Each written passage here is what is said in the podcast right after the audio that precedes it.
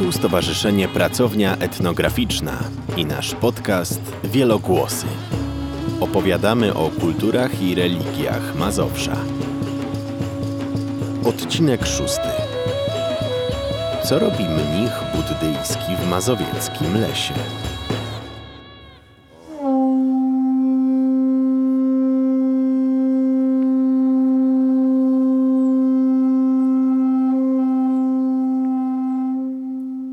Dźwięk konchy zrobionej z wielkiej muszli ślimaka przywołuje na praktykę tumo w ośrodku buddyjskim w Wildze. E, to jest praktyka Tumo z serii Tantry Matki, e, z takiego setu. On był kiedyś praktykowany przez mnichów, którzy siedzieli raczej w, na dosminiach w jaskiniach e, i ona służyła temu, żeby podnieść ciepłotę wewnętrzną. No, nikt tam nie miał kaloryferów w tych jaskiniach. Polega to na serii wizualizacji kanałów wewnętrznych i sylab, które krążą, żeby podnosić wewnętrzną ciepłotę. W Tybecie była taka tradycja, że adept Tumo tej praktyki w zimie siadał na zewnątrz w Tybecie i był w stanie kilka mokrych prześcieradeł osuszyć w, w ciągu doby, które mu nakładano na gołe ciało. No to, to, to jest taka może opowieść trochę książkowa, ale no tak to wyglądało.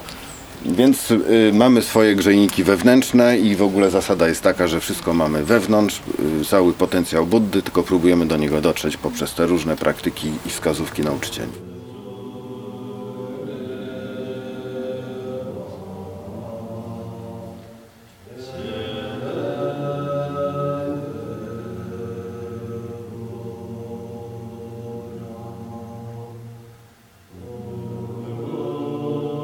Praktyka Tumo jest częścią praktyk buddyjskich, których możecie doświadczyć w ośrodku Chiamaling w Wildze, położonym 60 km od Warszawy. Ośrodek powstał w 2004 roku jego prawnym opiekunem jest Związek Ligmincza Polska, którego nazwa pochodzi od imienia tybetańskiego króla żyjącego w VIII wieku. Praktyka Tumo jest częścią tradycji Jungdrung Bon, jednej ze szkół buddyjskich. W Wildze mieszkają Paulina Koń i Piotr Wasyl, którzy sami praktykują buddyzm i opiekują się ośrodkiem. Czym dla nich jest praktykowanie buddyzmu? Dla mnie to jest sposób życia. Ja, ja w ogóle skończyłem religioznawstwo i y, sam fakt skończenia religioznawstwa zbiór jakichś dat, y, rzeczy technicznych, y, niewiele znaczy. No ja próbowałem znaleźć jednak odpowiedzi na pewne pytania, tam nie znalazłem. Y, więc y, tak się zainteresowałem w ogóle buddyzmem, a w szczególności tą tradycją. Taki był mój początek. Ja potrzebowałem jednak pewnej zmiany duchowej, a nie zbioru faktów. Y, I tak pozostałem. Y, ja przyjechałam to przypadkiem, pomóc z zewnątrz ludziom organizującym tutaj kurs. Jeżeli ktoś poczuje taki związek, to mogę zagwarantować, że już nie wychodzi z tej kąpy.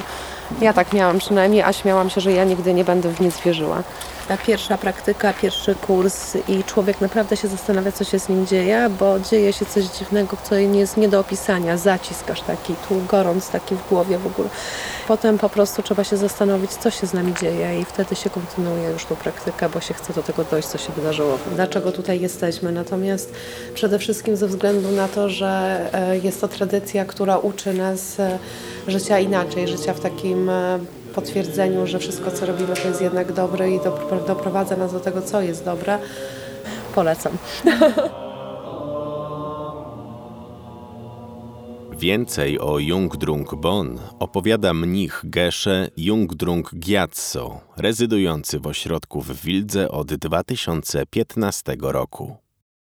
So Yungdrung Bon tradition is indigenous tradition of Tibet. Before uh, Yungdrung Bon jest rdzenną tradycją Tybetu. Zanim buddyzm dotarł do Tybetu, istniała już tradycja Yungdrung Bon. Przed Yungdrung Bon w Tybecie istniał system wierzeń zwany Stary Bon, który obecnie możemy nazwać szamanizmem. Dodajmy, że jest pięć szkół tybetańskich, z czego Jungdrung Bon to tradycja najstarsza, przedbuddyjska, czyli sprzed czasów Buddy Siakamuniego, twórcy buddyzmu. Co jeszcze jest charakterystyczne dla tradycji our Buddha W Yungdrung-bon came, mamy własnego Buddę. Zapoczątkował on Yungdrung-bon Yungdrung-bon based on wykorzystując to, co było najlepsze w Starym Bonie. Jednak wiele zasad zmienił. Na przykład zaczął nauczać o tym, aby nie stosować przemocy. Zamiast składania ofiar ze zwierząt, mamy wiele ofiar z ciast. I używamy na nich zamiast prawdziwej krwi czerwonego barwnika, który jest symbolem krwi. Buddha nauczał też medytacji. Mamy wiele poziomów praktykowania medytacji. Dostosowane są one do możliwości wyznawców i każdej indywidualnej osoby. Dlatego też Buddha dawał różnego rodzaju nauki. Wśród tych nauk jest jedna dość znana, którą nazywamy dziewięć dróg Bon.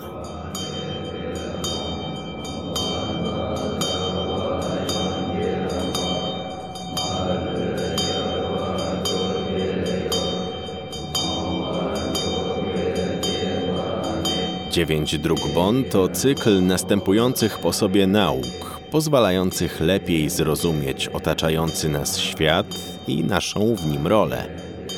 Zawierają się w nim m.in. astrologia, medycyna, rytuały związane z siłami natury, medytacja czy praktyki tantryczne. O innych szczegółach związanych ze znaczeniem i symboliką tradycji Yungdrung Bon opowiada Piotr. Yungdrung Bon oz- oznacza w Tybecie odwieczny bon, everlasting, czyli nigdy niekończący się. Symbolizuje go swastyka w pięciu kolorach. Nam się swastyka źle kojarzy, ale u nas to jest symbol odwiecznego propagowania y, bonu, czyli tej wiedzy, y, która pozwala ludziom osiągnąć, czy w ogóle wszystkim istotom oświecenie. Swastyka jako ruch, tak jak w buddyzmie kołdarmy wiedzy, która się odnawia poprzez y, kolejnych bodhisattvów, czy takich świętych, którzy się odradzają i głoszą tą wiedzę w różnych czasach przeszłych, teraźniejszych i przyszłych. No i też te symbole czasem przerażają ludzi okolicznych, bo wiadomo, że to są swastyki i tak dalej. E, No to nie jest tak, że my tutaj jakieś e, uprawiamy nie wiadomo dziwne rzeczy, tylko po prostu to było zabrane nam kiedyś przez innych ludzi, którzy wykorzystywały to w niewłaściwym celu, nie? starszych indoeuropejskich Tak, symboli. bo tego się u nas najbardziej chyba boją, tych symboli, tych swastyk właśnie, ale jednak to są stare symbole. Słowo bon jest odpowiednikiem polskiego słowa wiedza i odnosi się do słów Buddy zebranych w księgach i nieprzerwanie przekazywanych ustnie przez mistrzów czy mnichów.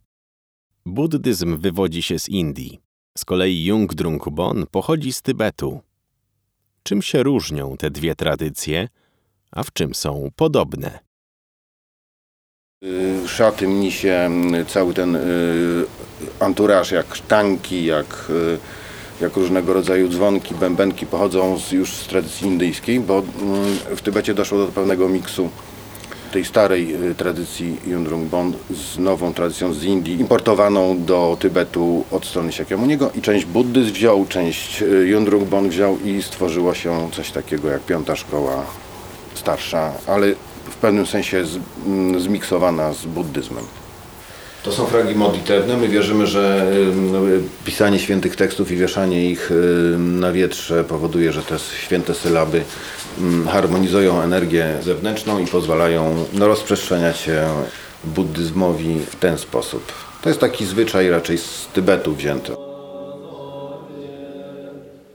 Jak wygląda praktyka buddyjska? Praktyka Yungdrung Bon. Z jednej strony mamy rytuał, ale z drugiej strony mamy taką dość zaawansowaną filozofię. I to nie polega tylko na tym, że dzwonimy dzwonkami i tutaj yy, yy, różne rytuały, bo są piece yy, takie do składania ofiar. To jest stupa, która symbolizuje yy, oś wszechświata dla upamiętnienia naszego Buddy. Mm, Więc to są rzeczy, które są z Tybetu importowane.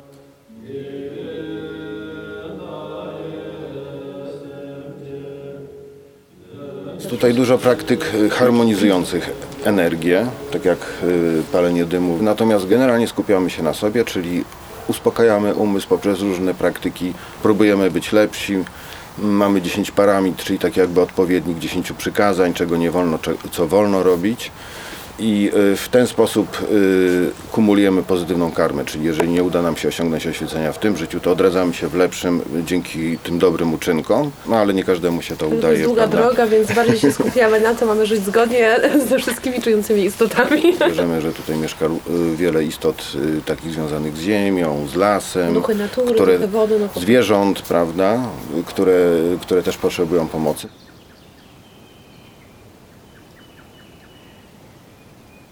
Wrażliwość na innych, życie w zgodzie ze wszystkimi istotami, spełnianie dobrych uczynków. Dlaczego to wszystko jest tak ważne na drodze do samodoskonalenia się? Mogę nie krzywdzić, mogę nie, nie kłamać i tak dalej, to mogę zrobić, ale w pewnym sensie robię to dla siebie, no bo y, kumuluję pozytywną karmę, ale też dla otoczenia, bo nie wchodzę w konflikt. Generalnie chodzi o to, żeby spojrzeć na siebie jako na pewien potencjał, czyli każdy z nas ma potencjał do osiągnięcia oświecenia, łącznie z, z psem, z robakiem, tylko że ciężko do nich dotrzeć. My jako ludzie możemy o tym rozmawiać i ten potencjał y, na pewnej ścieżce ugruntować i następnie rozwinąć w stan, który nazywamy oświeceniem, bo to jest stan umysłu. Jest to, można powiedzieć, komplet y, nauk y, dla ludzi o różnych zdolnościach. Dym, ofiarowanie pożywienia pewnym istotom, czy też wyższe praktyki związane z energetyką naszego ciała, czyli poprawia zdrowie. Mamy pewne kanały energetyczne, my wiemy, i, mm, które są powiązane z pewnymi organami. Jeżeli praktykujemy y, te nauki od strony takiej energetycznej, poprawiamy też swoje zdrowie i y, przygotowujemy nasz pojazd, bo nasze ciało jest pojazdem, który niesie w sobie umysł. Natomiast są też nauki najwyższe, które zajmują się wyłącznie tylko umysłem, już nie dbają o tą harmonizację energii, o nasze ciało. I to się nazywa dzogchen, czyli szukamy, czym jest umysł, czy kim my w ogóle jesteśmy, czy jesteśmy jakąś rolą, matką, ojcem, policjantem, nauczycielem. Kiedy nie znajdujemy na końcu nic, zajmujemy się tą przestrzenią zwaną nic. Rozważania, y, co to jest ego, czy to, je, czy to my jesteśmy tym ego, czy może jesteśmy czymś więcej, czy wyrastamy poza tą rolę życiową. Jest to ścieżka y, niosąca nadzieję, że jest wyjście z tego koła wcieleń zwanych samsarą w naszym języku w kierunku oświecenia.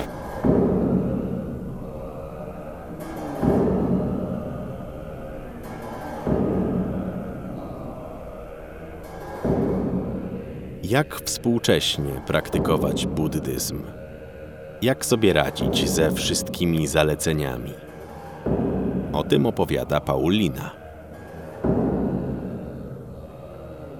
No właśnie my to pytanie mamy od lat, zadajemy je również naszym mnichom i sobie samym, jak ludzie na zachodzie mogą połączyć aż tyle praktyk, żeby to wszystko funkcjonowało.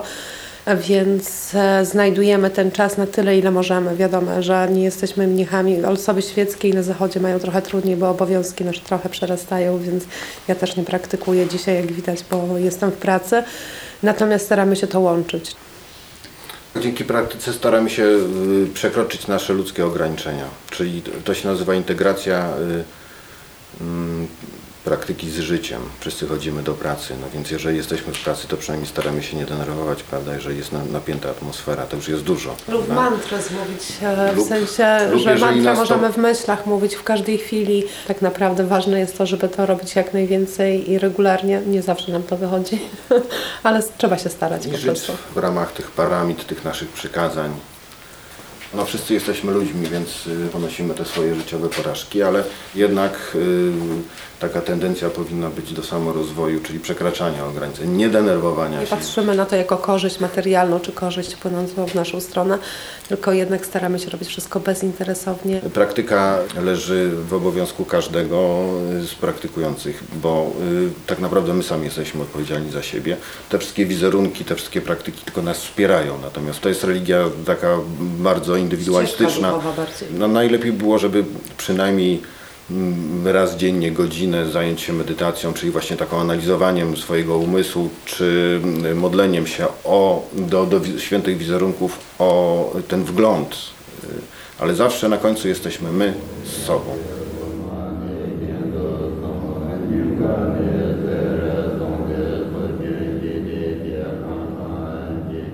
Co jeszcze można poczuć, odwiedzając to miejsce?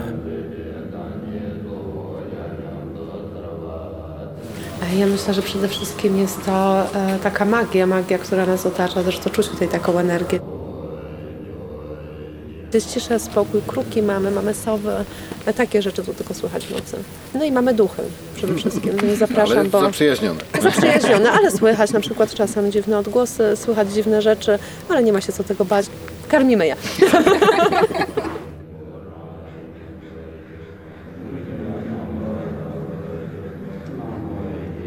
O tym, jak wygląda dzień mnicha w Wildze, opowiada Geshe Gyatso.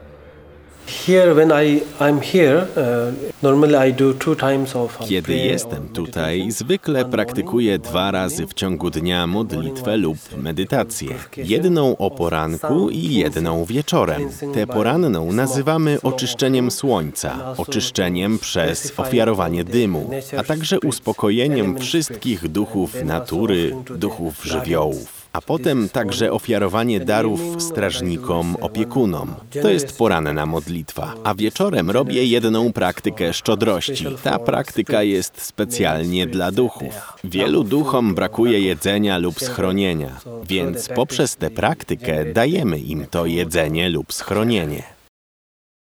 Mnich zachęca, aby brać udział w medytacjach, praktykach, nawet spotkaniach online, które są organizowane przez ośrodek w Wildze. Posłuchajmy, co jeszcze jest ważne w nauczaniu Jungdrung Bon. Uh, W dzisiejszych czasach, gdy wokół jest tak wiele wiadomości, dużo rzeczy dzieje się bardzo szybko, jedna po drugiej. To sprawia, że czasem wiele rzeczy nas rozprasza i prowadzi do trudniejszych sytuacji. Dlatego ważne jest, aby być z samym sobą. To, co nazywamy w buddyjskim nauczaniu, nauczaniu Bon, współczuciem dla siebie, nie tylko dla innych. Oczywiście innych też. To jest najlepsze, choć czasami możemy stracić współczucie również do samych siebie. Jeśli potrafisz sobie współczuć, stajesz się bardziej pewny siebie i doceniasz, że życie jest bardzo cenne. Jeśli masz cenne życie, to dlaczego nie wykorzystać go w lepszy sposób? Jest wiele możliwości, aby wykorzystać nasze życie w lepszy sposób. I wtedy cokolwiek robisz, ważne jest, aby zachować czysty umysł, silną motywację i dobre myśli. Po prostu być dobrą ludzką istotą.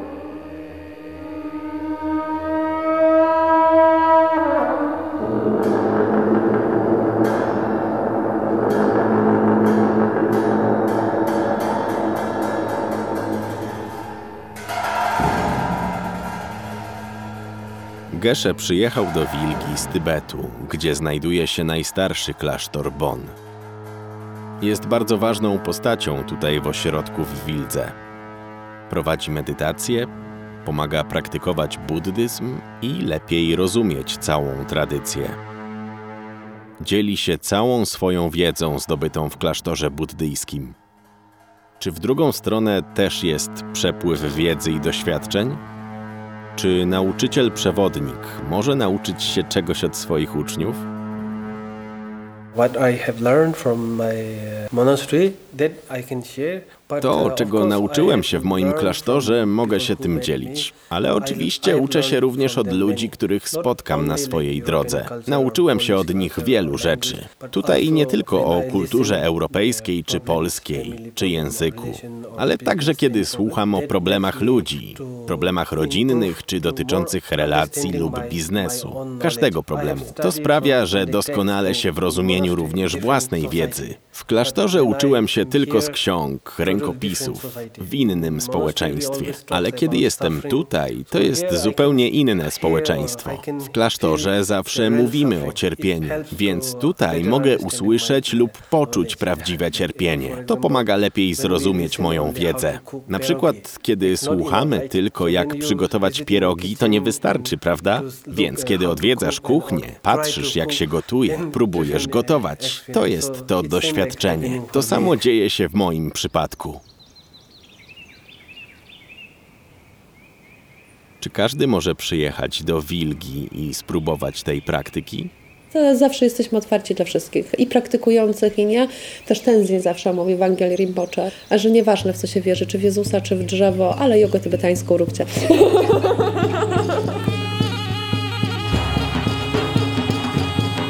Jeśli chcesz dowiedzieć się więcej o wielokulturowym Mazowszu, zajrzyj na stronę mazowsze.etnograficzna.pl. Podcast zrealizowało Stowarzyszenie Pracownia Etnograficzna. Partnerzy i patroni Federacja Mazowia Fundacja Picture Dog Towarzystwo Krajoznawcze Krajobraz Mikrowyprawy z Warszawy Radio RDC Zadanie publiczne pod nazwą Wielokulturowe Mazowsze dofinansowane ze środków z budżetu województwa mazowieckiego. Dofinansowano ze środków Muzeum Historii Polski w Warszawie w ramach programu Patriotyzm Jutra. Utwór dostępny na licencji Creative Commons. Uznanie autorstwa na tych samych warunkach.